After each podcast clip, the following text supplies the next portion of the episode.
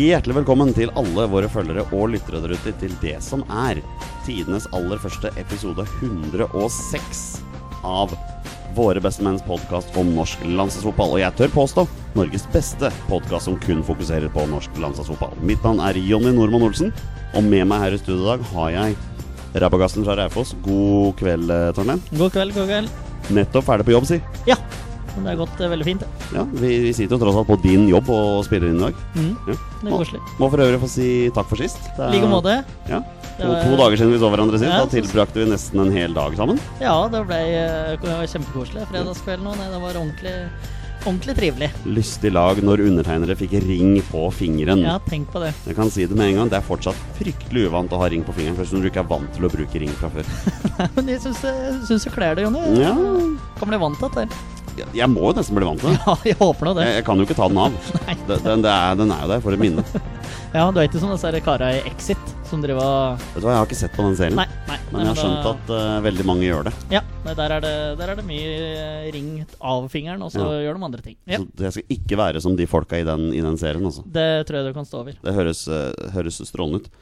Torstein Petter Hermansen kunne jo dessverre ikke være med i dag. Nei. Eh, Så da har vi hyret inn en annen Petter. Og siden det er Spania som står på andre siden på Ullevål stadion på lørdag, så kunne vi jo ikke få tak i noen bedre enn det venstre hodet i det trehodede trollet kjent som La Liga Loca på. Det er Petter Wæland. God, god kveld, Petter. Hei, hyggelig å bli invitert. Ja, det, det skulle nesten bare mangle når det er Spania på andre siden. Det blir en tradisjon, dette her nå. Ja, Hver eneste gang Norge møter Spania, så må du være forberedt. Da veit du at du får en forespørsel. avtale. avtale. Ble vi for øvrig enige sist? Det, var du det venstre eller høyre hodet i det trehodede trollet? Du var ikke i midten. For Nei, det var ikke i midten, for det er Magnar. Nei, meg og Jonas, vi, eh, vi bytter plass. eh, Støtter stadig, vi. Riktig. riktig ja. hvordan, hvordan er eh, ståa hos Veland i dag? Ståa hos Veland er bra. Det begynner å bli litt rolig nå. Altså Landslagsfotball for min del er jo egentlig litt sånn fri. Å lade batterier og kose meg med fotball uten noe jobbforpliktelser. Ja. Eh, Så jeg ser fram til å dra på Ullevål på, eh, på lørdag med lave skuldre og høye forventninger. Og forhåpentligvis ikke med spansk landslagsdrakt på. Å nei da. Nei, ok, Nei bra, bra. Spansk jobb, norsk pass. Ja, men Det er strålende å høre. Eh, Hvordan har fotballhelga di vært? Den har egentlig vært eh, litt amputert uh, sammenligna med normalt. Eh, kun syv kamper denne helga pga. litt høstferie og besøk på Sjusjøen hos eh, en eh, familie som vi er nabo med eh, hjemme i Spydeberg. Så det var jo veldig hyggelig til en forandring å være litt sosial òg i helga. Så, sy så syv kamper på en helg, det er, da- har du en rolig helg? Det er veldig rolig. Ja, Drar Det er Drar til- nesten så jeg har abstinenser nå. Ja, riktig. Bare et spørsmål. Drar du til Sjusjøen for å møte naboen? Nei, de Nei. har hytta der. Ok, Uh, ja, viktig saksopplysning. ja, nei, det var, jeg synes det var greit Det var det du hang deg opp i? Ja. Den, eh, den greia ja, eh, Sju kamper, men jeg tenkte det er, eh, det er litt under, eh, under vanlig, for jeg følger jo med på Twitter i Atet. Ja, riktig. Uh, de syv kampene, hva var den kuleste kampen? Den kuleste kampen var vel kanskje Barcelona mot Sevilla. Eh, nå ble jo ikke resultatet eh, så veldig spennende, det ble jo 4-0. Men eh, det var en eh, kamp som var langt jevnere enn hva resultatet tilsier. Og så blir det jo alltid show når eh, den spanske kamplederen heter Mateo Laos. Okay. Da blir det ti, ti, ti kort. eh, Åtte gull og to direkte røde, bl.a. for protester. Um, Så dette. så det er alltid show når han er i aksjon. Og så eh, Den kjedeligste kampen jeg så, det var Newcastle mot Manchester United. Ja, det kan jeg forstå. var sovepiller. Ja. Det, den så jeg ikke. Um, jeg, Du gikk ikke glipp av stort. Nei, eh, selv om jeg er Manchester United-supporter, så fikk jeg ikke med meg den kampen. Det blei prioritert svigerfamilie akkurat den søndagen. Ja. Uh, turte ikke å gjøre noe annet uh, dagen etter bryllupet. Altså. Viktig å legge inn aksjer tidlig. er noe med det Petter Torstein, jeg veit at du har veldig lyst til å snakke om Ole Gunnar Solskjær i dag, så vi skal ikke snakke så veldig mye om det. Men vi kan ta det kjapt i introen. Ja, Manchester United tapte 1-0. Ole Gunnar Solskjær sliter på de fleste fronter nå. Manchester United som klubb sliter jo på de fleste fronter nå, men han må fortsatt få litt grann tid. Men jeg skal være enig, det som skuffer meg akkurat nå, er måten vi framstår på på banen. For det er, det er fryktelig skuffende å se på. Ja, vi kan eh, ta mer om det etterpå. Det er ikke noen sånn voldsomme greier, men vi kan eh, ta, gå litt mer inn, inn på det etterpå. Da gjør vi det. Men din fotballhelg, da, Torstein? Du har vel kanskje ikke fått sett så fryktelig mye ball? Det ble amputert, men jeg må ærlig innrømme, Jonny, at uh, jeg hadde på flashscore under uh, bryllupet ditt. Det overrasker meg ikke. Nei, og da Det vibrerte jo eh, litt i lomma der. Og så eh, rett før, når det var, det var noen talerollegreier, så vibrerte det i lomma, og da utligner du Lester. Eh, så da er jo litt sånn Det, er, det preger jo litt, det her. her. Og så er det eh, en eller annen, Jeg lurer på om det er rett før Petter Hermansen sitt tale, faktisk. Så vibrerer det i lomma en tur til, og jeg skjønner at det, enten så er det scoring, eller så er kampen ferdig. Og så kikker jeg ned, så er det James Miller som har putta på straffe. Og da blir jo bare kvelden helt uh, fantastisk. De hadde den jo blitt uansett, men det her satte liksom bare toppen på uh, iskaka. Det her, er det det den sier?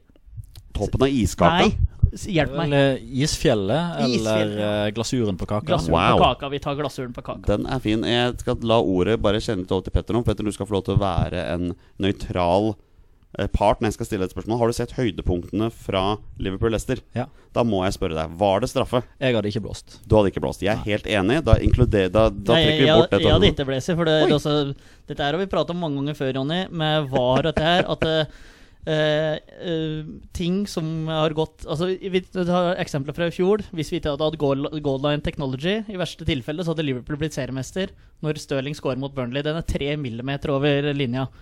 Eh, og Liverpool skulle hatt straffe mot Sheffield United med VAR når Mané blir feid i bakken. Liverpool skulle ikke hatt straffe nå på overtid.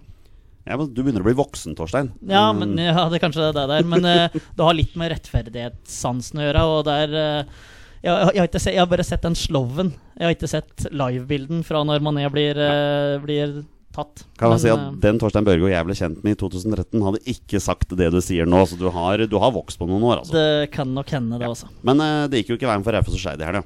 Nei, det er uh, Raufoss har begynt å variere fælt. Det er eh, skuffende. Vi prata om på det før. Marginer for og mot. Nå møtte, Ålesund, møtte vi Ålesund. Ålesund har jo sist jeg sjekka ett tap i år, og det var jo mot Raufoss på stadion hjemme. Men i går så var det overkjøring til de grader. Så møtte et desidert uh, beste lag i ligaen. Uh, og nå for, vi må jo bare se framover på plassen er sikra for lengst. Så må vi bare satse på å knipe uh, en kvalikplass her. Jeg var jo på Briskeby i går. Det er klart Man gifter seg på en lørdag på Ottestad rett utafor Hamar. Så er det veldig fint at terminlista legger det opp til at HamKam møter Skeid dagen etter på Briskeby. Det er ikke terminliste som er lagt opp. Det Det er er, jo bryllupet som har lagt opp etter terminlista. det er veldig mange som har påstått det. Det medfører ikke riktighet, det du sier der, Petter Wæland. Datoen for bryllupet ble satt før terminlista kom. La det være sagt Det en gang da. for alle. Veldig flaks, og vi er veldig heldige med det, så vi tok bryllupsreisen til Briskeby i år, da, altså. Uh, vi skal kanskje litt lenger etter hvert, da. Så det. Nei, boys, uh, vi må bare kjøre i gang. Skal vi bare kjøre i gang, Torstein? Det syns jeg vi bør gjøre. Da gjør vi det.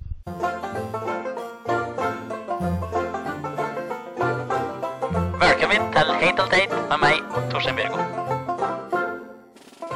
Vi ruller i gang podkasten for alvor med det faste segmentet Heit eller teit med Torstein Børgo. Og Torstein, hva er heit eller teit med Torstein Børgo? Nei, altså vi tar jo for oss eh, det som har skjedd med landslagsaktuelle spillere den siste uka.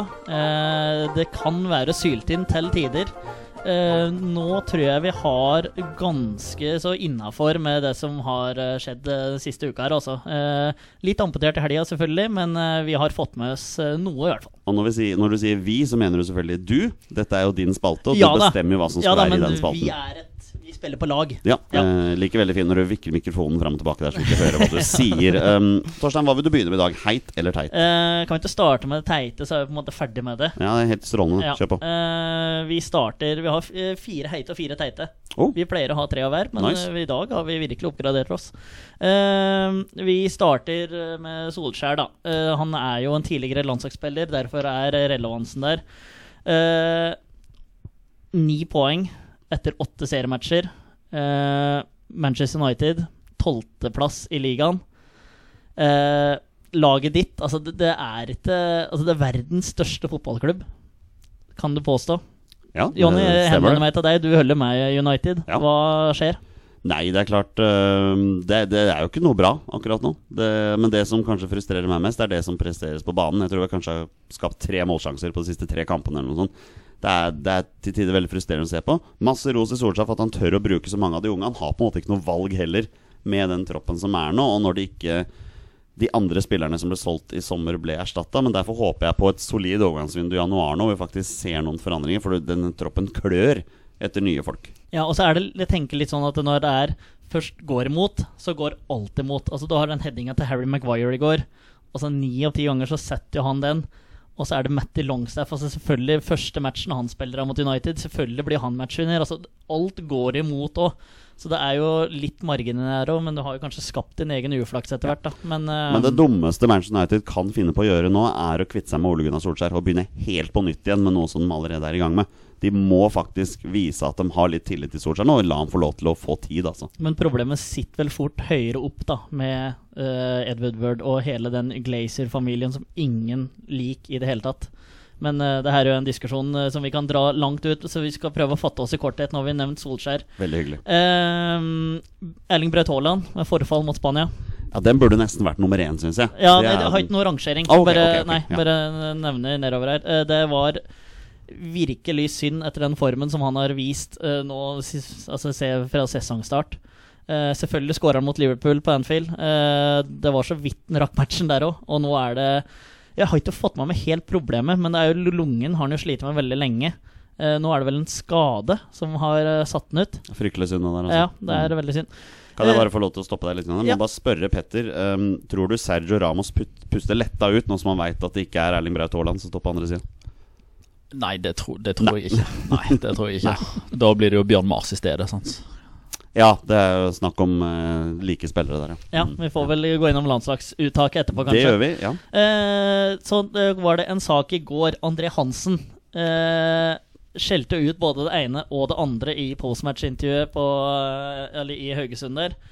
Eh, så diskuterte jo jeg litt med noen kompiser av meg om dette her er sånn vi For det er jo pratet på i media at vi vil ha spillere som bare sier ting akkurat som det er. Rett fram i tala altså, Ikke noe sånn der ja, men vi gjør det beste for laget. Sånn der mikk-makk. Altså si ting akkurat sånn som det er. Sånn liker vi å høre. Dønn ærlige folk. Christian Gauseth har jo gått i overkant av den skalaen der. Eh, men altså, ja, du skjønner hva jeg mener, da. Jeg du ha, ha det direkte. Uh, er det befriende når spillere eh, kommer med den tala her, eller er det sånn som bør tas i garderoben og utafor eh, Medie-Norge? Jeg tenker at uh, supporteren i meg jubler jo når spillere faktisk tør å si meningen sin direkte i um, i, um, I mikrofonen, sånn som det André Hansen gjør um, etter kampen her. Det er jo selvfølgelig Det er mye frustrasjon. Du merker jo det, at det er veldig mye frustrasjon som har sikkert vært inne en god stund. Og jeg, jeg skjønner liksom frustrasjonen så veldig godt, men hadde jeg nå vært ansatt i Rosenborg, så hadde jeg sett på dette her som et ganske stygt brudd på tillit, da. Um, og hadde jeg vært Eirik Horneland, så hadde jeg nesten vurdert å, å benke André Hansen til neste kamp. Fordi det han på en måte sier her, er jo at han har jo ikke tillit til det som skjer. Og jeg mener at han burde nok tatt det på bakrommet, men selvfølgelig supporteren syns det er helt greit at han sier det. Hvis han går inn i garderoben og sier at gutta, nå har jeg nettopp sagt på riksdekkende TV at jeg syns at dette her er bla, bla, bla, bla, bla, så syns jeg det er helt innafor. Mm. Eh, og sånn må det være. Spesielt en klubb som Rosenborg, som underpresterer så til de grader. Der må takhøyden være enda høyere, fordi forventningene er høyere. Ja. Men hvis han går inn i garderoben etterpå og stiller som en mus, da eh, er jeg inne på samme tanken som Jonny. Det er jo veldig spesielt det som skjer i Rosenborg akkurat nå. Nå var hadde de en lang periode med masse seire på rad og storspilte i kvalifiseringen til Europa og sånne ting. Så var de litt uheldige som ikke klarte å få noe bedre ut med Dinamo Zagreb òg. Men det virker som luften har gått litt ut av dem også.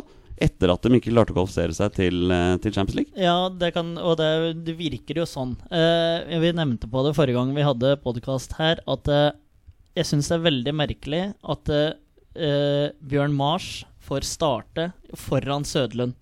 Fordi Sødlund er en av de viktigste bidragsyterne som virkelig har tatt tak fra sommeren av etter 16. mai-tapet mot Haugesund på Lerkendal. Og virkelig komme seg i form og bøtta, bøtta i mål. Og putta mål, og viktige mål for Rosenborg i Champions League-kvalifiseringa. Så kommer Bjørn Mars inn på en fire måneders lån, det er igjen ca. tre måneder av det nå, eh, og tar plassen til Alexander Sødlund, som da blir skyvet ut på en slags høyrekant, hvor ting tydeligvis ikke har funka i det hele tatt. Nå ble jo Sødlund vraka mot PSV nå. Eh, jeg syns det er eh, Ja, jeg, jeg liker ikke den der, der helt, altså. Av den spilleren som virkelig har vært med og bidratt, og så skal plutselig Bjørn Mars, som har et navn, uh, komme inn og dytte ut Sødlund der. Jeg så, jeg så kampen mellom Rosenborg og PSV på, på torsdag, det Bjørn Mars Johnsen viste der. Altså klart Rosenborg som spilte jo ikke en bra kamp der. De gjorde jo ikke det, men det er, ikke, det er veldig lite som, som Bjørn Mars Johnsen viser for tida som gjør at jeg helt skjønner hvorfor han har en plass i landslagstroppen i det hele tatt. Ja, nei, Vi hopper bare kjapt videre til siste på Tate. vi. Eh, Ruben Gabrielsen, eh, utflytta totning, er ute av landslagstroppen han nå. Sigurd Rosted har kommet inn. Mm, tanker? Skade? skade. Jeg, Ja. ja. jeg vil vel tro det. Han ville jo vært med på landslaget. Altså, jeg hørte på en podkast her, eh, men nå husker jeg faktisk ikke hvilken det er i farten. Eh, Tror, skal du inn på den eh, med spillerrådet? ja. Ja. eh, Da han snakker om eh, de som som trener før Ja. Det var du som frokost. Ja, Ja. riktig. Ja. Hva hørte du der, Torstein? Det, eh, nå får Petter korrigere meg, da, hvis, for det var, da var det tydeligvis Heia fotball-podkasten. Eh, men eh, hvor de nevnte på det at eh, han hadde fått sjokk om at Martin Ødegaard og trente før frokost, var det det? Ja, blant annet Martin Ødegaard. Ja. Men egentlig ganske mange som kom og var svette i tøyet og eventuelt nydusja eh, fordi de hadde vært og trent før frokost. Ja, akkurat. Eh, og da fikk han litt sånn realitetsorientering om at ja, det, det er kanskje derfor de er så Der oppe de er, ja. er. Mm, uh, ja. Så han, skulle, han hadde jo begynt med det nå, da, å trene før frokost. Han, ok, han har fortsatt håp om å bli en bra spiller, Ja. altså. Ja. Kanskje derfor, kanskje derfor han har skada seg? Jeg vet ikke. Litt sånn overbelastning. Det kan være at eh, fanker kroppen skal stå opp tidlig plutselig. Røk på en strekk klokka fire om morgenen der, Ja, altså. ja, ja. Jeg tror ikke det her er liksom sånn at han melder forfall fordi det er viktige ka- klubbkamper. Nei. Altså det her Han har virkelig fått noe ut av landslagsoppholdet sitt, da hvis du kan Ja. si det sånn. Mm. Så um, det er synd at den ikke får vært med og lært mer av, eh, av våre beste menn. Men Sigurd Rostedin syns jeg er en veldig bra erstatter. Mm. har jo begynt å spille regelmessig fotball igjen, og det har jo vi savnet at Sigurd Rose skal gjøre. Dansk serie er ikke så hakkende gæli. De, de slo vel FC København her i helga. 3-1. Tre Ja. i går, ja. Og jeg vet ikke om dere så høydepunkt fra den kampen, her men maken til soleklart rødt kort har jeg ikke sett på lenge, tror jeg. Med han som stempler uh, spilleren i ansiktet der. Å, det var såpass, ja. Ja, den- den var stygg. Det, høres, ser som Petter Schoen. høres rødt ut. Ja, du, du har ikke sett den, Nei, nei? jeg har ikke sett Nei, den. fint. Jeg skal vise deg den. det høres, rød, høres rødt ut. Høres rødt ut. Vi går over på hate, vi. Uh, skal vi starte øverst eller nederst? Vi har jo ingen rangering, så vi starter med det eldste først. Det var litt dumt jeg sa, men vi starter med Fredrik Midtsjø, vi. Som har eh, levert ganske bra matcher for Aset. Uh, fast i elveren der. Uh, helg ut, helg inn. eh, og torsdager nå, for nå er det jo Europacup. Uh, spilte ganske bra mot United på midten her. Nå, altså, nå møter han jo Matic, som kanskje er over uh, middagshøyden. Eh, og noen unggutter der, men eh, Som kanskje er over middagshøyden. Der, der var du snill, Torstein. ja, jeg syns det. Men uh, Fredrik Mitsjø han er virkelig Jeg syns han har tatt tak ifra, ifra Rosenborg-tida si og spiller på et høyere nivå nå. Og har utvikla seg til å bli en meget bra midtbanespiller. Så det er gledelig å se at gutta spiller. Helt enig med deg, men på landslaget så er han vannbærer, altså. Ja, og det er liten diskusjon som vi kunne tatt der, men eh, Ja, ja men det er- handler ikke om kvaliteten hans, det handler om at han får jo ikke sjansen til å vise seg fram heller. Nei, det er ikke det. Eh, vi kan ta med nyhet fra før helga her. Vi har jo noen damer som uh, spiller EM-kvalifisering. Ja. Banka Hviterussland 7-1. Det gjorde de. Uh, lå under 1-0, så det er jo en solid Ja, det- det eh, opphenting her. Isabel Herlåsen, to mål. Ja. Er nå to mål bak landslagsrekorden til Linda Medalen. Linda Medalen. riktig. Ja, riktig. Dagny Belgren har vel noen, og Marianne Pettersen òg. Ja, nei, vi, får se på den lista. Ja. Uh, nå uh, Norge topper gruppa foran Wales med to poeng, og målforskjellen 13-1. Ja. Så det er solid etter, eh, etter eh, to matcher. Og så jo etter når Norge utligna, det var jo løp inn og hente ball, og der var det på 2-1-goal nå. Så nå- få bedre nå skulle, nå skulle ha mer. ja. Så, og jeg tror Hviterussland har en målforskjell på 7-7, så det er jo litt uh, spennende. Da kan du regne ut kjapt og hvor mye de vant i første ja, ikke sant. 6-0. Eh, Blir det til? Jo, jeg tror det. Uh, skal vi se. Uh, Alexander Sørloth, goal assist for uh, Trabzonspor. Har hørt rykter om at det var et veldig pent mål. Ja, det samme ryktene jeg har hørt. Jeg Ja. har ikke hatt muligheten til å gå inn og se på. Uh, spørsmålet er jo om det er i startelveren mot Spania, men eh, det kan vi diskutere litt eh, etterpå. Det gjør vi. Eh, og så, da, eh, gullgutten sjøl. Eh, Ettersom eh, Petter Wæland er her, og nesten uavhengig av det, Det Martin hadde Ødegaard, ikke hatt noe å si. månens spiller i Spania, ja. eh, var vel stemt fram av eh, Sociedad-fansen til supporterne spiller i august, og nå månens spiller eh, i La Liga. Ja. Jeg skal ærlig innrømme, og det har jeg sagt til deg før, Petter, at jeg følger ikke spansk fotball veldig veldig tett. Um, men da spør jeg rett og slett deg, altså hvor stort er det egentlig at Martin Ødegaard blir månens spiller i La Liga? Det har jo aldri skjedd før. Nei. Eh, verken i Spania eller England. Til tross for at eh, det har vært eh, veldig mange som har prøvd. holdt jeg på å si Det er ingen som har blitt Monten-spiller i England. Nei. Italia har ikke sånn kåring. Og Frankrike jeg kan ikke se for meg at verken Konradsen eller Sørdalund eller Selnes eller Kvarme i sin tid eller noen var på Fikk en sånn type gjev pris, for det er jo en gjev pris. Uh, Samtidig så skal det settes litt i kontekst her at eksempelvis altså denne, denne premien ble jo uh, oppretta i september 2013. Altså den er seks, uh, seks år gammel, Mhm. og det er ti måneder i året, eller ni måneder i året, så det har blitt delt ut av 54 ganger. Jeg, Rent personlig så vil jo jeg hevde at Lionel Messi har kanskje vært best i ja, 30-40 av de månedene. Han har fått prisen fem ganger. Ja, ok. Eh, Så det er ikke nødvendigvis bare den som har vært best, men det er den som markerer seg ut ifra forventninger, som skaper engasjement. Eh, Så det er en kombinasjon av det at eh, han har helt åpenbart gjort seg sportslig fortjent til det, og at, at La Liga mener at han har vært best i september. Altså De tok han ut som en av tre kandidater. Gerard Moreno og Karim Benzema de to andre. Gerard Moreno er i den spanske landslagstroppen for første gang. Eh, Karim Benzema kjenner folk til, selv om han ikke følger spansk fotball så veldig tett. Eh, og så var det altså da Martin Ødegaard som, som fikk den, og det, det er stort, med store bokstaver. Men eh, hva, hva tenker du om prestasjonen til Martin Ødegaard i starten av sesongen her? Det er jo Jeg vil nesten påstå at det er over all forventning. Jeg skulle akkurat til å si over all forventning. Eh, og det er jo ikke nødvendigvis fordi vi hadde lave forventninger. Nei. Det er jo ikke det. Um, altså Real Sociedad er nummer fem. De spiller tidvis feiende fin fotball med eh, ung gjennomsnittsalder på frontfireren sin. Eh, Martin Ødegaard har skåra to mål, to målgivende pasninger. Eh, han har vært tredje sist på ballen ved to anledninger. Uh, Kåra til Real Sociedads beste av fansen i eh, august. Han har blitt eh, MVP, altså banens beste, eh, stemt fram av Marka i tre av åtte kamper. Og I løpet av de åtte kampene så er fem spilt på bortebane. Eh, det er jo vanskeligere å spille fotball på bortebane enn på hjemmebane. De er viser all altså. statistikk, all synsing, absolutt alt eh, antyder det. Og motstanderne de har spilt mot, så det, det er ikke sånn at de har møtt de åtte nederste. Eh, altså De har hatt Valencia på bortebane, de har hatt Sevilla på bortebane, de har hatt Basca-derbyet sitt på bortebane, de har møtt eh, Atletico Madrid på hjemmebane. Mm. Så det er et eh, relativt tøft kampprogram han gjør det i, i tillegg. Ja. Så det er veldig imponerende. Han har jo en, han har jo en lagkamerat med i den spanske landslagstroppen. Det er jo. Ja, unnskyld. Jeg, em, han har i hvert fall én av dem. Ja. Uh, Mikael Oyarzabal. Beklager hvis jeg ødelegger navnet hans her, men, men hvordan, er, hvordan føler du samarbeidet mellom Ødegaard og han har vært? Eh, bra. Eh, man så jo spesielt det hjemme mot Alaves for to uker siden. Det var jo den eh, målgivende pasningen som har gått eh, der, ja. Som har gått viralt. der Mikael Øyal Sabal er den som mottar pasninga og, og gjør en veldig fin prestasjon med å kjøre den lille dummien som gjør at keeper blir litt satt Vender ut keeper uten å verne ballen engang, Ja, før det han setter er den i mål. faktisk en er veldig solid prestasjon, prestasjon, det òg. Ja. og da ser du liksom med en gang altså han, han jubler sånn instinktivt i ett sekund, og så snur han seg og peker. Ja. Og han har jo sagt det i intervjuer i både lokale og riks, eh, riksaviser i Spania at eh, at han ikke nødvendigvis har blitt overraska over nivået, men at han er veldig fornøyd med at eh, Martin Ødegaard har gått såpass sømløst inn i laget og tatt, tatt en rolle som egentlig ikke fantes i laget forrige sesong. Eh, for i litt den der Norge-Sverige-debatten, altså spesielt inn mot uh, det første oppgjøret mellom Norge og Sverige, så var det jo mange som fokuserte på Martin Ødegaard og uh, Alexander Isak som er noenlunde samme alder, veldig lik karrierevei. og De har stått overfor samme type valgsituasjoner og i nesten alle tilfeller valgt helt likt.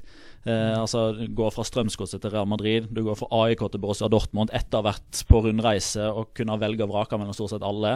Eh, ikke fått så veldig mange kamper på A-laget, gjort det bra på B-laget. Leie-opphold i Nederland, gjort det veldig bra. Og nå er begge det altså Zidad. Eh, Alexander Isak kom inn i en posisjon der det var et hierarki fra før av. Altså William José har skåret tosifra i La Liga fire sesonger på rad. Han er nummer én fram til noe annet blir eh, realiteten. Mens Martin Ødegaard kom inn og har egentlig tatt en rolle som ikke var der. For to sesonger siden så hadde de Chabi Prieto og Sergio Canales som begge kunne spille tier. Forrige sesong så var det fire-fem forskjellige mann som var innom i i et forsøk på å skape en tier i et system som egentlig ikke hadde en tierposisjon. Mens nå har Martin Ødegaard kommet inn og egentlig fra første trening, første treningskamp, første offisielle kamp, eh, bare tatt den, og den posisjonen er og blir hans nå. Så det er egentlig bare å glede seg til fortsettelsen. Det virker jo som alt går strålende her. Ja, han har i alle fall fått en, uh, han har fått en start som er veldig veldig lovende, både på og utenfor banen. Uh, jeg var jo i San Sebastian og møtte han i begynnelsen av, eller i midten av august, helga før La Liga begynte. Eh, og du så på hele fyren at han sto og Eh, altså alt er på stell, både privat og uh, utenfor banen og på banen. Og virkelig gjort en innsats for å lære språk også. Ja, har du sett intervjuer også? Hadde litt eh, litt sånn i bagasjen fra før av da, etter de Ja. første årene. Mhm. eh, men det er klart at nå, eh, nå har han virkelig fått Jeg ble imponert, faktisk, det må jeg si, da han turte å stå på Mallorca. Eh, Det er mange, det er mange nordmenn som har forsøkt å snakke spansk på Mallorca før, uten hell. Eh, han sto med TV-kameraene retta mot seg, og det blir broadcasta til millioner av seere verden over, og han eh, svarer på spansk. Jeg syns det var tøft. Ja, det syns jeg var tøft også. Torstein, var det alt fra heit til teit? Ja, det var heit og teit for nå. Ja, men du, vi setter alltid pris på, på, på din egen faste spalte. Men skal vi, skal vi begynne å prate litt om kampen på lørdag? Vi er nødt om det. Men du, da gjør vi det. Og den er lur, og det er mål! Og det er Frank Strandli. Dette har ofret seg mye for eh, laget som skårer. Og det etter vel 14 minutter. På lørdag, mine herrer, så er det jo storkamp på Ullevål stadion når bitte lille Norge tar imot den store fotballgiganten som er Spania. Men Spania møter et Norge som er ubeseiret på Ullevål stadion under Lars Lagerbäck, og jeg tipper at uh, det norske landslaget kommer til å selge seg dyrt i jakten på å få et resultat mot et Spania som har vunnet alle kampene sine og er på stø kurs mot en plass i neste års EM. Um, Petter, hva tenker du om Norges sjanser i denne kampen før vi går inn på troppene? Har Norge en sjanse til å få med seg noe fra denne kampen? Ja, det har de jo. Naturligvis. Ubeseiret under Lagerbäck, og det er ikke bare San Marino og Malta som har vært der. Det er det ikke. Eh, så det er klart at det, det, det ligger jo en sjøltillit i, i bunn, og mange ålreite slash gode prestasjoner som man kan se tilbake igjen på og finne motivasjon fra. Men det er klart det er et, det er et annet kaliber på det som kommer nå. Eh, spøkte litt med det i en annen podkast her. At eh, Lagerbäck sa at de må ha fire poeng mot Spania og Romania. Eh, og det positive med det er jo at det, det er lettere å ta ett poeng fra Spania enn å ta alle fire mot Romania. Det er for så vidt et veldig godt poeng. Det er det. Ja. Eh, Nå måtte jeg tenke litt faktisk på det regnestykket der. Det sto litt stille her et øyeblikk. Eh, Men det er klart at, eh, altså, at kampen spilles i oktober, at det er ganske mange forfall i den spanske troppen. Det er fortsatt en relativt Altså ikke relativt, det er en fersk landslagssjef som ikke har vært med på dette her i, i samme grad som før. Det er mm, Det bør kanskje være en fordel for Norge at Spania har ni tær i EM allerede. Kanskje tar litt lett på ting, men dessverre så viser jo statistikken noe helt annet. Um, Jeg har jo gått inn og sjekka eh, si, tendensen til det spanske landslaget i de siste åtte EM- og VM-kvalifiseringene. Eh, altså, tar de foten av gasspedalen når eh, billetten til mesterskapet er sikra? Svaret er dessverre nei. Nei, det gjør For ikke det. poengfangsten er høyere i andre halvdel av kvalifiseringa enn første halvdel. Kan det være fordi det er det andre spillere som får muligheten til å vise seg fram, at de kanskje legger inn et ekstra gir for å vise seg? Ja. Eh, og ser man på troppen, så ser man vel for seg at et lignende scenario dessverre kan inntreffe Ja. nå. fordi det er jo sånn at det er en enorm konkurranse om å spille i elveren. Ja. Det er en enda større konkurranse om å være i troppen. Eh, og nå som grunnlaget er lagt, så gjør det òg at Robert Moreno, den spanske landslagssjefen, kan tillate seg å eksperimentere litt mer. Ja. Eh, jeg tror sjansen kunne ha vært paradoksalt nok litt større hvis Spania hadde stilt helt toppa. Fordi det hadde vært eh, Altså Uten å virke flåsete, men det hadde vært en gjeng med mette fotballspillere som hadde sett på dette her som liksom ah, Skal vi opp til Skandinavia i oktober og spille to kamper nå som vi er som 95% sikre? Så hadde kanskje motivasjonen falt lite grann. Og så ville de ikke helt tatt den krigen. De ville ikke ha blødd i akkurat den kampen. I stedet for noe så kommer det inn utfordrere som vet at de må ta vare på de sjansene de får nå, for å kunne være med i EM-troppen i 2020. Ikke sant? ikke sant? Når du var på besøk hos oss i mars, eh, Petter, da, da snakket du om at Spania var gjennom et virkelig generasjonsskifte eh, i troppen. Og når du ser på den troppen som Spania stiller med til kamp på lørdag, så er det faktisk bare ti av spillerne som har over ti landskamper. Ja. Det er veldig mange her som ikke har så veldig mange landskamper. Um, faktisk bare to stykker som har over 100. Hvis det går an å si det på den måten der. Jo, men i spansk sammenheng så kan man Ja. absolutt si kun to. Ikke sant? For jeg, jeg skrev her nede med en liten sånn smørbrødliste med de spillerne som ikke er tatt ut av diverse grunner. Altså Du har Jordi Alback med, Cæsar Aspilicueta, Nacho, Suso, Isco, Paco Alcácer, Alvaro Morata, Marco Ascenso, Jago Aspas. Men allikevel så, så ser du mange, mange spillere her som du veit virkelig godt hvem er. Men um, hvem av disse nye folka er det du, øhm, du ser mest fram til å få vise deg fram her? da? Altså, For å ta det negative først, da, så avslutter vi med en oppsving. Det høres ut som hyggelig. Kanskje. Eh, altså det man kanskje kommer til å trekke fram som en akilleshæl på det spanske landslaget når man skal dekke kampen Jeg tror TV 2 kommer til å gjøre det. Jeg tror eh, altså Eurosport eh, altså De som snakker om kampen, kommer til å snakke om at Jordi Alba er ute på venstrebekken. Og erstatteren hans, eh, José Luis Gaya, er òg ute. Ja. Og så glemmer man kanskje å se på ok, men hvem er det som faktisk kommer inn. da Jo, det er Johan Bernat, som er fast venstrebekk for PSG. Ja, så riktig. der ligger lista. Han er tredjevalget på venstrebekk hos Spania. Han er tredjevalget. Mm. Eh, Han har jo hva det stå, åtte landskamper. Ja, Det sier kanskje litt om, Ja, om I en alder av 26. Ja, ikke sant. Så det er ikke sånn at han er 19 og fremadstormende og har vært opptatt på U21-landslaget Ikke osv. Så, videre. Ikke sant. så det, det, det er liksom der lista ligger. Ja. Eh, Du har en sånn spiller som Sergio Ramos, som vel, hvis jeg forstår riktig, setter ny spansk rekord på lørdag med sin 168. landskamp. Ja, han tangerte vel Iker Casillas eh, Ja, sist. ja. Ja. Det er helt riktig. Får håpe at hvis eh, Spania får straffa denne gangen, at Rune Jarstein bare blir stående. Fordi vi veit jo at det Ja. eneste, det Ja, eneste det er Ramos sånn, gjør, er å Men chippe straffer. Men det er jo litt sånn nå Altså, han er, han er 21 mål på sine landskamper. Han er midtstopper. Han er toppskårer blant den gjengen som er med her. Og det er ganske solide navn som er med her, altså. Sergio Ramos har skåra i åtte av de siste ti landskampene. Ja. De lagene ikke han har skåra mot, er Malta og Færøyene. Ja. Det er helt sjukt. Han skårer skåra mot Norge, han har skåra mot Kroatia, England, Sverige. Ja. Så pleier, Det er disse kampene her han pleier å skåre. Ja.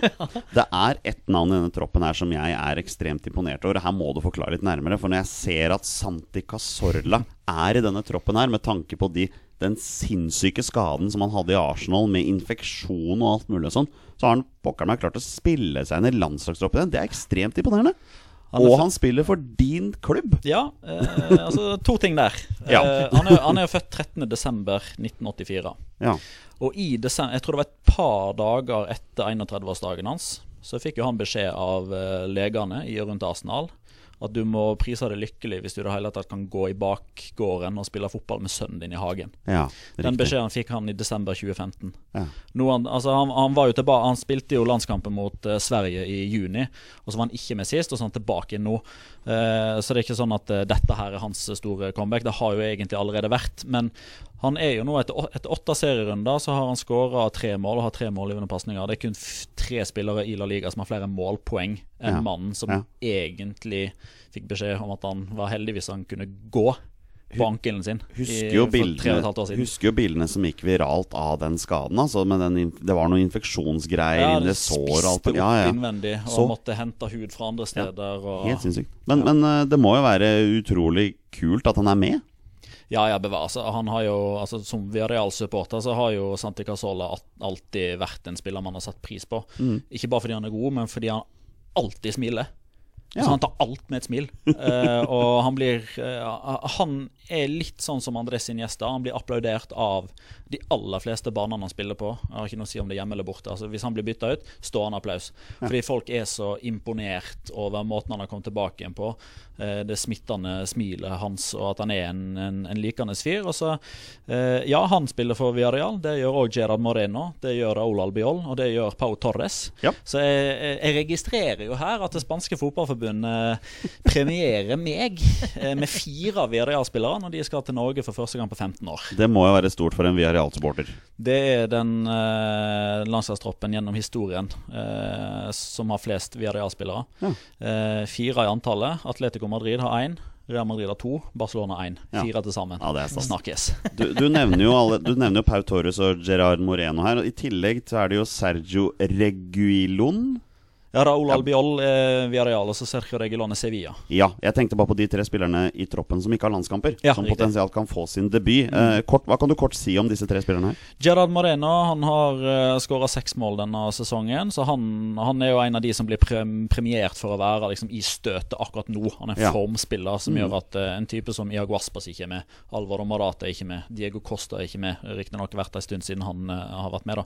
Eh, og Paco Alcázar ute med skade. Mm. Da er det plass til å gi han eh, Altså forsøker å utnytte momentumet. Ja. Eh, han ble i sin tid dyreste Viareal-spiller da han ble henta tilbake igjen Espan fra Español for halvannet år siden. Skuffende sesong i fjor, i likhet med hele laget. De kjemper jo mot nedrykk eh, til nest siste serierunde, da. Men fått en flying start nå og blir premiert. Um, Pau Torres eh, er jo den store overraskelsen og den folk i Spania sperra litt opp øynene for og tenkte jaha, skal han inn?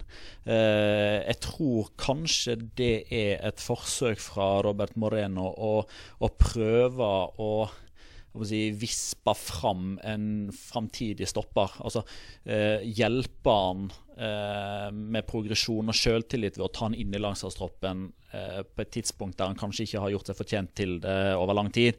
Altså Han har spilt alle åtte kampene for Viareal. Altså eh, Midtstopperparet til Viareal, Albiol og eh, Pau Torres har spilt alle åtte kampene sammen. Så der har du et, et par som kjenner hverandre fra, fra klubbhverdagen.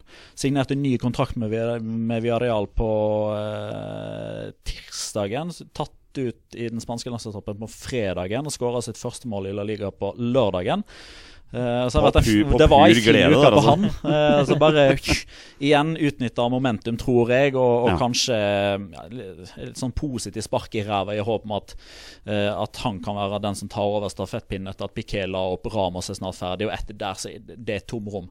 Ja. Det er den store utfordringa til Spania på sikt, å finne nye stoppere som kan inn og fylle det tomrommet der. Mhm. Og så sistemann er Sergio Regilon, bedre kjent som Ødegård-kompis, som han ble titulert av TV 2 eh, etter at han var nærmest banens beste etter riktignok å ha vært skyld i, i første baklengsmålet. Men da Sevilla spilte mot Real Sociedad, så bygde de jo litt sånn opp til den duellen. da Ah. Eh, så de spilte sammen i Castilla, eh, født i 96. Han er jo to år eldre enn Martin, så han var jo en av de som liksom var med og trakk lasset da Martin kom. Mhm. Eh, offensiv type som eh, Han fikk jo sitt definitive gjennombrudd forrige sesong, da Marcelo var helt ute eh, i kulden i Real Madrid, og Santiago Solari var trener.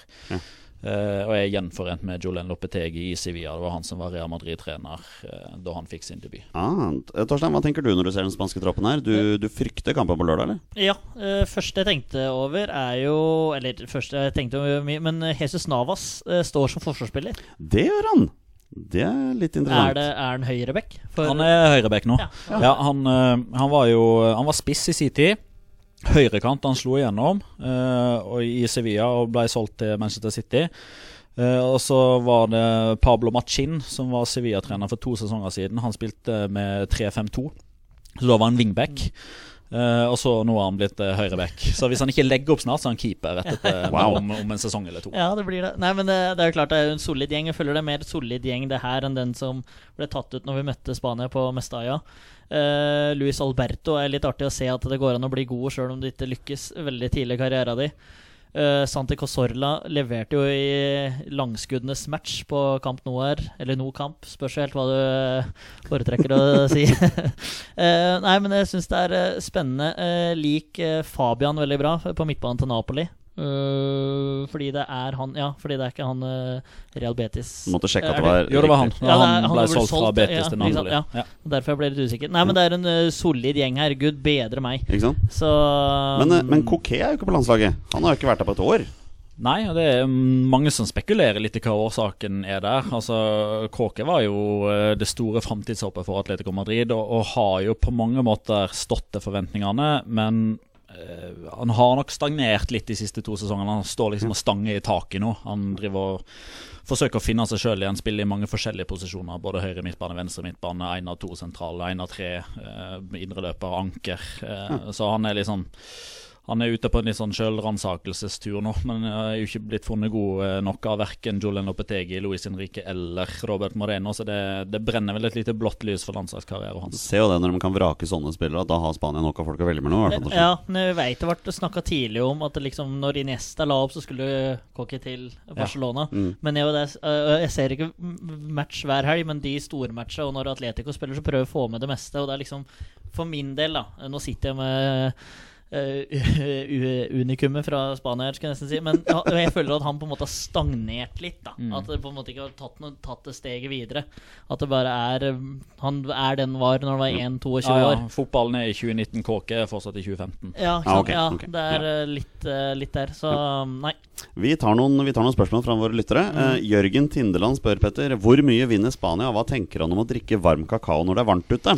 Varm kakao når det er kaldt ute er så langt innenfor at eh, det går ikke an å snakke om at det er utenfor en gang Men når det er varmt ute, spurte han om. Ja, Dette spinner tilbake igjen til en diskusjon som jeg og min podkastkollega Jonas Giæver har hatt. Han, Ok. han mener at det ikke går an å drikke varm kakao når det er varmt. Nei. Uh, fordi han mener at det er en drikke som utelukkende det skal varmes. Jeg drikker det fordi det er godt, ikke fordi det er kaldt eller varmt ute. Mm. Men det gjør jeg også. Ja. Det er vi like der. Takk skal ja, du ha. Ja, helt strålende. Men hvor mye vinner, Det- hvor mye eh, vinner Spania? Eh, jeg håper jo at de ikke vinner, da. Men eh, Du gjør det, altså? Ja, som sagt, spansk jobb, ja, norsk pass. ja. Hvem trenger poengene mest? Men du, du skjønner at jeg spør? Ja, ja, ja, ja. Bevares, bevares. Men da er det greit at jeg bare kan eh, fjerne all tvil, da. Eh, Men hvor mye vinner Spania? Hvis du Nei, altså, hvis, jeg, hvis jeg skal tippe resultat, så tipper jeg 0-2. Ja, fair resultat der. Eh, Peter Hermansen er jo ikke med oss i dag, men han har sendt en spørsmål. Han spør da, den er fin. Hvis Petter Wæland kunne velge én spansk landslagsspiller som skulle forsterket Norge, hvem ville han valgt, og hvorfor? Uh, skulle gjerne hatt uh, Petter her for å stille et oppfølgingsspørsmål. Uh, altså Tenker vi da i kampen på lørdag, eller på lang sikt? Jeg tenker sånn generelt, Hvis du tar et toppa norsk landslag, et toppa norsk elver, hvilken spiller i den spanske landslagstroppen tenker du kunne gått inn og forsterka? Jeg er jo ikke i tvil om hvem jeg ville valgt, i hvert fall. Jeg ville valgt Sergio Busquets. Du ville valgt Busquets, ja. Ja, ja. inn på sentral midtbane. Ja, Selv om Sander Berge er bedre? Ved siden av Sander Berge. Ved siden av Sander Berge. ja. Det hadde vært et interessant midt midtbanepar. Virkelig. Jeg tenker at Sergio Ramos i det vaklevårende forsvaret vårt hadde vært en eh, fin spiller å ha der. Ja, for all del. Uh, Men da hadde jo antageligvis Norge spilt med ti mann ganske ofte. For jeg tror ikke han Veldig, hadde vært poeng. så beskytta som Nei. norsk Vi landslagsspiller. tar Raoul Albiol isteden, vi. så, så kan vi spille med elleve mann eh, på banen. Um, Torstein Espen B spør når skal Morten Berre inn i landslagstroppen igjen? Ja, det må du jo jammen spørre du med å spørre han om, for du er jo Skeidmann. Han er Altså, Skeidmann. så- Morten Berre var på banen i hei midtuka når eh, Skeid 2 slo Kristiania 7-2 i fjerdedivisjon og sikra opprykkskvalik. Skåra han? Det tror jeg ikke han gjorde. Skuffende. faktisk ja. Da er han uaktuell for landslaget. Spiller vel, så vidt jeg veit, defensiv midtbane. da Driver og fordeler, fordeler ballene bak Litt sånn samme karrierevei som Jesus Navas. Ja, Ja. ja. kanskje noe med det. Uh, fast lytter, Stenjek. Stenjek. Sten er tilbake. Eh, Haaland med skade er veldig skuffende. Er Haalands fravær krise for muligheten til å score mot Spania? Tenker du om det, Peder? Eh, Altså Det er jo greit å ha spisser som er vant til å skåre mål. da Det er noe med det, altså. Ja. Og han er jo i sitt livs form. Eh, fotballivet hans har jo ikke vart så lenge, men eh, allikevel. Eh, han har jo noen tall som, eh, som er helt sånn, altså Jeg er jo glad i statistikk. Eh, no Hørt noe rykte om det, ja. Mm. Eh, og de tallene hans er jo sånn wow. Eh, og ja, da så kan man snakke om at det er Bundesliga, Østerrike og Salzburg er suverene, ok, men allikevel, de tallene der er ikke det mange tidligere Salz Salzburg-spillere som har hatt heller. Nei. Uh, så det er klart at det, det gjør jo at sjansen svekkes. Jeg tror uh, at uh, Braut Haaland kunne ha gitt Sergio Ramos litt, litt juling tilbake igjen. Og Det hadde kanskje vært å vippe han litt av pinnen, litt Ja. sånn som Bjørn Mars Johnsen klarte på Mestalla. Det snakka jo Sergio Ramos om i etterkant òg, at, at han som kom inn altså, Og Luis Henrique, som da var landslagssjef Vi husker ikke hvem det var, men Louise Henrique fikk i alle fall spørsmål av en norsk journalist sånn konkret hva syns du om Martin Ødegaard. Nei, hvorfor spør du om han? Jeg synes det var han, han spissen som kom inn. Han skapte trøbbel for oss. Eh, så det å ha en sånn stor, sterk type som Bjørn Mars Johnsen Ja. eh, Men tror du at eh, Norge kommer til å stille med to spisser mot Spania på, eh, på lørdag, Torstein? Vi har et spørsmål fra CB Julebrus for life, fastlytter han også. Hvordan ser dere for dere Norge i en 4-4-2-formasjon versus 4-5-1-4-4-1-1?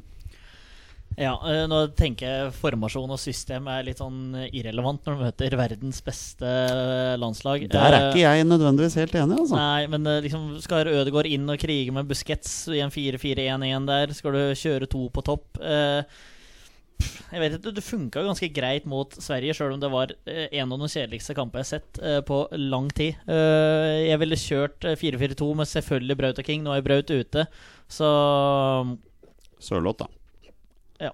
Sørloth i form. Ja, men altså, hvis det her altså, Når Bjørn Mars har kommet inn og lagd så mye trøbbel, og det funka ganske greit sist, putta for Rosenborg nå i går, Mm. så har du på en måte et argument der òg. Levert tidligere kvaliken. Det er liksom det er tynt grunnlag, men uh, Sørloth er lenge siden jeg har vært ute på Ullevål-matta, han òg. Så det står jo selvfølgelig mellom Mars Johnsen og, og og um, Sørloth der. Ja. Så dette her blir veldig spennende. Men eh, jeg håper kanskje at det er Sørloth som får uh, nikket denne gangen. Petter, um, hva, hva tenker du om Norges sjanser i kampen på lørdag i forhold til formasjon? Har vi størst sjanse i 4-4-2 eller 4-4-1-1? Jeg tenker Norge har størst sjanse hvis de gjør som de pleier. Uh, og forsøker å ikke Altså, Lagerbäck er jo en ganske rigid type. Han har sin måte å tenke fotball på. Det har han brukt alle sine dager som norsk landslagssjef på å innprente i det norske systemet. Skal man plutselig begynne å øve på en helt annen ting mot et av de beste lagene i verden? Jeg tror ikke det er veien å gå. Her må man bare være trofast mot sine egne prinsipper, selge inn budskapet, tro på det og gjøre den jobben godt nok til at det faktisk holder mot Spania, som forhåpentligvis da har en dårlig dag. Ja. Vi tar det siste spørsmålet fra Stenik også, Torstein. Er uavgjort mot Spania bra også i forhold til vår avhengighet av at Spania slår Sverige? Hva, hva sa du nå? At det Er uavgjort mot Spania bra, også i forhold til vår avhengighet av at Spania slår Sverige? Ja. Altså, Uavgjort er bra mot Spania. Det, altså, det må du ikke være i tvil om. Men husk på at vi regnet på dette her sist gang, at vi har fortsatt sjansen å gå videre selv om vi skulle tape på lørdag. Jo, men da må liksom Drillo og du fram med, med kalkulatoren deres og opp i mente og dele på ditt og datt. Så det er tynt. Altså, vi må ha, igjen må vi ha fire poeng, og fire poeng mot Romania er vrient å få tak i. Så vi må Altså, ubeseira på Ullevål, du må jo bare tro på det, litt sånn som Petter er inne på her. Uh, du har jo sagt at vi går ubeseiret gjennom resten av kvaliken. Så det er jo en uh, påstand som virkelig får kjørt seg nå til helga. Og vi har jo vært ubeseiret siden jeg kom med den påstanden. Ja, det er helt riktig. Så at, uh, du har dine ord i behold. Så vi får vi håpe da at statistikken svikter denne gangen, og at spanjola tar litt lett på det. Men Og Hvis Spania avgir poeng mot Norge, så vil jo de være ekstra skjerpa mot Sverige. Selvfølgelig. Og øker sjansen for at Sverige ikke tar poeng der. Men da, ta, da tar vi det ene poenget mot Spania på ja, lørdag, da. Da får vi litt trua på det, og så er det ingen tilskuere i Romania, og så banker vi Romania. Ja, For der virker det som alle bare forventer at Norge skal dra ned til Romania og bare spasere inn tre poeng der. Ja, det, ja, ja, det, der, altså, det er en ny tøff match der, altså. Uh, Sjøl om det ikke blir ei heksegryte, så er jo det, det er en Altså Jeg tenkte litt på det. Jeg sa jo at det er Jeg vet ikke om det er en fordel men det er jo en kjempefordel å ikke få at det koker mot seg. Det er det jo definitivt. Uh, så får vi bare se da åssen det ser ut etter, uh, etter Ullevål-matchen. Men jeg håper på en måte ikke at det blir sånn at det blir rundspilt og det blir 0-5 på Ullevål. Altså Det hadde vært rimelig surt, altså. Da tar vi et kjapt resultattips. Jeg tipper at uh, Norge tar poenget. Jeg tipper det blir 2-2, faktisk. Klarer å skåre to mål. Hva tenker du? 1-1. 1-1. Og Petter Velland? Jeg håper jeg tar feil. 0-2. Ja, du sa jo det tidligere. Mm.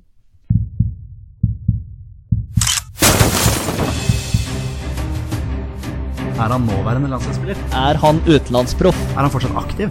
Er han back? Har han spilt for Rosenborg? Mine damer og herrer, det er nå tid for 20 spørsmål. Mine damer og herrer, det er på tide å avslutte den fantastiske podkasten denne runden også sånn som vi pleier, med en runde med 20 spørsmål. Petter Wæland, du konkurrerer i dette her for andre gang, og du nevnte sist gang at du er et veldig lite konkurransemenneske, men det var ikke det inntrykket jeg fikk når du og, Pet, når du og Torstein strevde med Fredrik Strømstad der, altså. Mm. Fredrik Strømstad var det. Det var det det jeg hadde tenkt litt på dette her, skjønner Ja, ja. du. Hvem var det? Ja. Men uh, du er innforstått med reglene. ja. Men her Jeg kan mener det jeg husker det. Ja. Men her kan det bli en forandring, skjønner du. Det er litt avhengig av hva dere velger. Reglene er som uh, følger. Um, Petter og Torstein har 20 ja- og nei-spørsmål på å komme fram til spilleren jeg har funnet fram. Det er en spiller som har minst én A-landskamp for Norge. Bonusregelen i Våre beste menn er som det pleier å være. Når de gjetter navnet på en spiller, er spillet over, og de har vunnet eller tapt. Men nå kan dere velge om dere vil ha en twist eller ikke. For eh, Petter eh. Jeg er kjempeglad i Twist sjokolade, så jeg, ja. Du er, du er Men glad da må jeg bare spørre, hva er favorittvisten? Uh, det er toffee. Det er Toffee, Ja, ja. den, er, den er fin. Det var vi ikke innom sist, faktisk. Nei, Nei, nei. nei, men det er greit. Eh, denne gangen er tvisten at dere rett og slett skal få informasjon fra Så det er en positiv twist. Det kommer helt an på hvordan dere har hvordan dere velger å, å bruke det. Men eh, spilleren det er snakk om, har spilt eh, har, har tre perioder bak seg i én eliteserieklubb. Vær så god. Så han har spilt på samme Altså Dette er ikke et spørsmål, men kan det være oppklaring, skal jeg si? Han har da vært i, I samme klubb. i en eliteserieklubb tre ganger i løpet av sin karriere. Okay. Ja, Så han har vært et sted tilbake? Ja, Ja, ja, ok. ok. Da er det sikkert, eh, tenker sikkert Petter Hermansen med, og da vet jeg hvem det er. Da er det Vær så god, vi er i gang. Jeg tar de første, du. Da skal jeg, skal jeg starte. Ja. Uh, er han fortsatt aktiv? Nei. Har han spilt eh, landskamper på 2000-tallet? Ja. Den er grei. Uh, for da er det sannsynligvis ikke meg jeg har vært med i noe mesterskap, hvis han ikke har vært med i, EM i 2000? Det kan jo være greit å bare få avklart. Uh, var han i troppen i EM i 2000? Nei. Da har han ikke spilt eh, Nei. mesterskap. Det er greit. Um, er det en midtbanespiller? Ja. Er det en sentral midtbanespiller? Ja. Ok. Men jeg tenker jo litt på klubbnomader og navn allerede der, vet du. uh, vært innom samme klubb tre ganger. Ja, nei, det er li- li- litt tidlig. Uh, har han over ti A-landskamper? Ja. Skal vi pelle oss inn på klubb, eller? Ja, lurer på om vi må Ja. nøste opp i hvilken norsk klubb dette Ja. her er. Eh, vi pleier å de, Altså, ikke, ikke Paco-inndeling her på skrått og land, så det er helt sjukt. Uh, men uh, eh, hvis vi tar Østlandet, da, for der har vi jo mange, mange klubber. eh, er den klubben vi snakker om her Altså, vi snakker om en klubb. Nei, vet du hva? Kanskje han har spilt i flere klubber enn de tre òg. Så det kan jo være Jo, men den klubben Ja, han har spilt for den- i tre perioder. Ja, den klubben, Er det den klubben du er nå? den klubben han har spilt for i tre perioder. Da forstår jeg hva du mener. Takk. Okay. Ok. Tilhører den Østlandet? Ja. Ja. Vålerenga, Sarpsborg, Stabæk, Lillestrøm, Odd. Jeg føler dere går gjennom den samme rekka med klubber hver gang Ja, vi spiller gjør det, vet du. Ja. ja, Det er jo visst den klubben i Eliteserien nå, da. Ja. Det kan jeg spørre om. Det, ja, ja, spiller, er det eliteserieklubb anno 2019? Ja. Det er fin. Eh, blå drakter går vi jo ofte inn på her. Eh, har denne klubben blå drakter? Ja. Vålerenga. er det, ja, det er fort Vålerenga. Mohammed Fella? Tilbake tre ganger. Uh, ja, Han han, har- han har vel ikke ti pluss landskamper, han? Vålerenga, Stabæk uh, og Sarpsborg. Sarpsborg. Sarpsborg blir Nei, det er ikke Sarpsborg her nå, vet Nei. du. Nei. Det er Vålerenga og Stabæk. Ja. Jeg er heldig om at det er Vålerenga, da. Er denne klubben som har- spillerne har vært innom tre ganger, er det Vålerenga? Nei. Nei. Det er ti, så da er dere Ja. halvveis. Ja. Midtbanespiller Martin, Martin Andresen. Har vært han tilbake tre ganger? Men nå spurte han har- Nei, det var, vi spurte bare om den klubben var Vålerenga. Men han uh, har jo Ja, nå tar vi jo for gitt at det er Stabæk, da. ja. Ja, for det, ja, for det Nei, jeg tror ikke det kan ikke være Sarpsborg. Det kan ikke være Sarpsborg. Fordi vi, ja, Det er jo bare de med blå drakter vi har på Østlandet her nå. Ja. Vålerenga, Stabæk, Sarpsborg. Ja.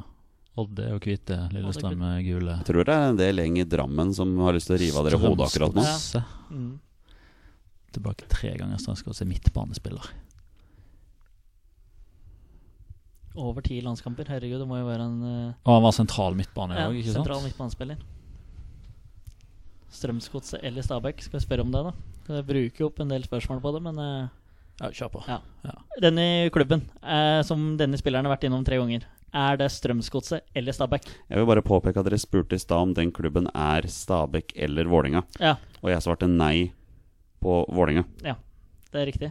Så dere har jo på en måte allerede fått svaret på hvilken klubb det er Ja, snakk om. det er for så vidt sant. Det var veldig god oppklaring, egentlig. Stabæk vært innom tre ganger, ikke aktiv. Midtbane, sentral midtbane. Sentral midtbanespiller, over ti landskamper. Kjære venn, det står helt stille. Men uh, Det er nok mange der ute som har tatt den her allerede nå. det er helt riktig. Hvilke andre spørsmål vil dere stille, mine herrer? For jeg lurer altså, om Skal liksom dra det Han har vært i tre perioder i Stabæk, så da har han jo vært i en annen klubb her. Eh, om han er kjent for liksom en karriere i Premier League, så har vi jo fortsatt Ja. Martin Andresen der. Men har han vært innom tre ganger i Stabæk, altså? Det kan jeg ikke tenke meg. Men eh, det er- Dere har jo fått svaret på det, Torstein Børgo. Ja. Så At spillerne det er snakk om, har vært innom Stabæk tre ganger i løpet Ja. av sin karriere. Ja, men at det er Martin Andresen Jo, men vi Det har du ikke fått svar på. Nei, nei. Nei. Så det er det som er Det er det jeg ikke kan tenke meg. Ja, vi prøver å nøste ut i eh, Kaff For han, har, han, han må jo ha vært proff. Han har jo ikke gått fram og tilbake Nei. i Eliteserien Nei. norsk fotball fem ganger. Han må jo ha prøvd seg, ja. ja. Han, han må jo ha prøvd seg. Men om han har prøvd seg i Premier League Skal vi prøve, prøve. Ja. eh, Har vedkommende spilt fotball i Premier League? Ja. Da kan det fortsatt være Martin Ja. Du sikrer jo det med tanke på Wimbledon der. Fordi hvilken annen Stabæk-spiller er det som uh... Har han vært uh, trener etter at han la opp som fotballspiller? Ja. Det bør begynne å nærme seg noe nå. Har han seriegull med Brann? Ja. Jobber han med møbler eh, for øyeblikket? Jeg tipper han, han sitter på et kontor som har noe med møbler å gjøre. Ja, Ja, er han konsernsjef i Skeidar, liksom? Er det Jeg vet ikke om han er konsernsjef, men han, jobb, han jobber i Skeidar. Ja. Ja. men da tror jeg vi Nå er jeg trygg. Nå! Fy fader, begynte å, begynte å vi, Ja, nei, vi var jo fort ja, Jeg vet ikke hvor tidlig vi var inne på det navnet der, men uh, Dere var ganske tidlig inne på det, men var- har du lyst til å si det nå? Bare for å være sikker? eh, Jeg lar uh, gjesten Du ta lar Veland få ta den. Er det Martin Andresen? Gutter? Det er Martin Andres. Ja, det er viktig. Helt riktig. Tok den, på, tok den på spørsmål 16. Torstein, eh, hvilke to Premier League-klubber har Martin Andresen spilt for? Han har spilt for Wimbledon, og han har spilt for Har du det? Ser bort bare for å få litt sånn ting. Det der er fælt, vet du. Det der er fælt. Uh, nei, jeg har den ikke. Jeg skuffer meg sjøl, altså. Det er Blackburn. Åh, gud Ja. bedre. En, Han og Egil Østenstad glemmer jeg alltid har vært innom Blackburn. jeg har en enda bedre en. Hvilke sju klubber har han spilt tippeligafotball for? Og den tar vi. Brann, Brann, Brann, ja. Vålerenga, Mhm. Stabæk. Mm. Den tar vi, sier de. Altså. Stopper på tre der. Skal vi se. Han har vært innom Sandefjord. Det har han. Det er fire. Han Da mangler det tre klubber. Jeg har lyst til å si Viking, vet du. Ja, jeg- Det er riktig. Ja. Ja. Da mangler det to. Har ikke vært i HamKam, han? Nei, han har ikke vært i HamKam. han. Har, han vært i, har ikke vært i Molde, eller? Det har han. Han har vært i Molde, ja. Yes, da mangler det én klubb. Og siden dere sitter her i etter og vi begynner å renne ut for tid Det er ikke Start, det er Moss. Moss, ja. Yes, det var klubben han starta sin aktive seniorkarriere i. Ja. Ja. Jo, men Da har han vært i bra med klubber, Andresen. Altså. Han har de tre det. periodene han var i Stabæk, da, det var Han var i Stabæk mellom 99 og 2000. Nei, unnskyld, 98 og 99. Så 2001-2004, og i 2013 spilte han én kamp i første divisjon Ja. for, Ok. for Stabæk der. Ja. Ja. Den er litt tricky, den der, siden det bare var snakk om ett uh... Jo, jo, men Jo, jo, eh, twisten var uh, det, var jo, det var jo en liten twist her, men det var en positiv twist. Hvis Ja. du kan kalle det det. Når vi bruker 16 spørsmål. Det var en toffee. Ja, det var, Det var en toffee, ja. en. Vi skal avslutte nå med et spørsmål jeg faktisk fikk akkurat nå. I det vi kom inn her Det er fra Alexander Finstad, også en fast lytter. Eh, Josh King bør ha med en medspiss på topp. Han er altså enig med deg, Torstein. For at han skal funke enda bedre. Men hvem tror dere han hadde passet best med på toppen? Da tar vi utgangspunkt i de som er med nå i troppen. Bjørn Ja. Mars Johnsen eller Alexander Sørloth. Ja, eh, altså det er hipp som happ, men eh, i, eh, altså jeg tar de prestasjonene fra Bjørn Mars. Eh, nå så han jo på Intility mot Rosenborg der. Eh, han må putta nå i helga. putte putta mot Steinkjer i en treningskamp for Rosenborg. Nei, jeg tar eh, Jeg kjører Sørloth, jeg også, som spiller fast i en eh, bra klubb i Tyrkia. Eh, leverer der. Eh, jeg har syntes litt synd på han. Nå har han begynt å levere litt og komme i gang igjen. Kanskje restarte karrieren sin litt, hvis vi drar han litt langt. Så Sørloth får nikket fra meg, altså. Ja, Hva med deg, Petter? Hvem vil du se ved siden av King? Sjøl om eh, Alexander Sørloth kanskje er den spilleren som har imponert meg mest i en enkeltkamp som kommentator i Eliteserien, Oi. da han røska Det var vel Stabæk som fikk skikkelig deng på Aspmyra en gang. Så Lurer på om han skåra fire mål. Ja, stemmer det. Og Ja. alle fire var inne fra høyre av samme høyre bekk. Ja, ja, ja. Eh, men sjøl, eh, om han imponerte meg veldig da, jeg er en Marsmann. Du er en marsmann, ja. Ja. Vi veit at Jarda Birkeland reiser og jubler nå. En vikar hos oss. Han er altså en marsmann, så nå vet han at han har Petter Wæland på sin side. Og med det er det på tide å avslutte dagens episode. Petter, igjen takk for at du stiller. Bare hyggelig. Eh, du har jo vært på nesten en slags podkast-turné den siste uka her, og vært innom både her og der, men eh, veldig hyggelig at du tar turen til å stikke innom oss også. Og nå er det videre til, og her kommer den skamløse sjølpromoteringa. La liga lopp. Ja, men det er jo din faste podkast, så skulle nesten bare mangle. Ja, det er Champions League-podkast òg, da. Ja, men det er vel ikke den faste, er det det? ja? Det, er Jo, vel, det har blitt fast Det har blitt det har blitt fast, ja. ja. Jeg skal ikke be deg velge mellom de to podkastene. Torstein, du stiller som vanlig. Jeg stiller som vanlig. Strålende. Vi er våre bestemenn. Heia Norge. Heia Norge! Heia Norge. Og hei!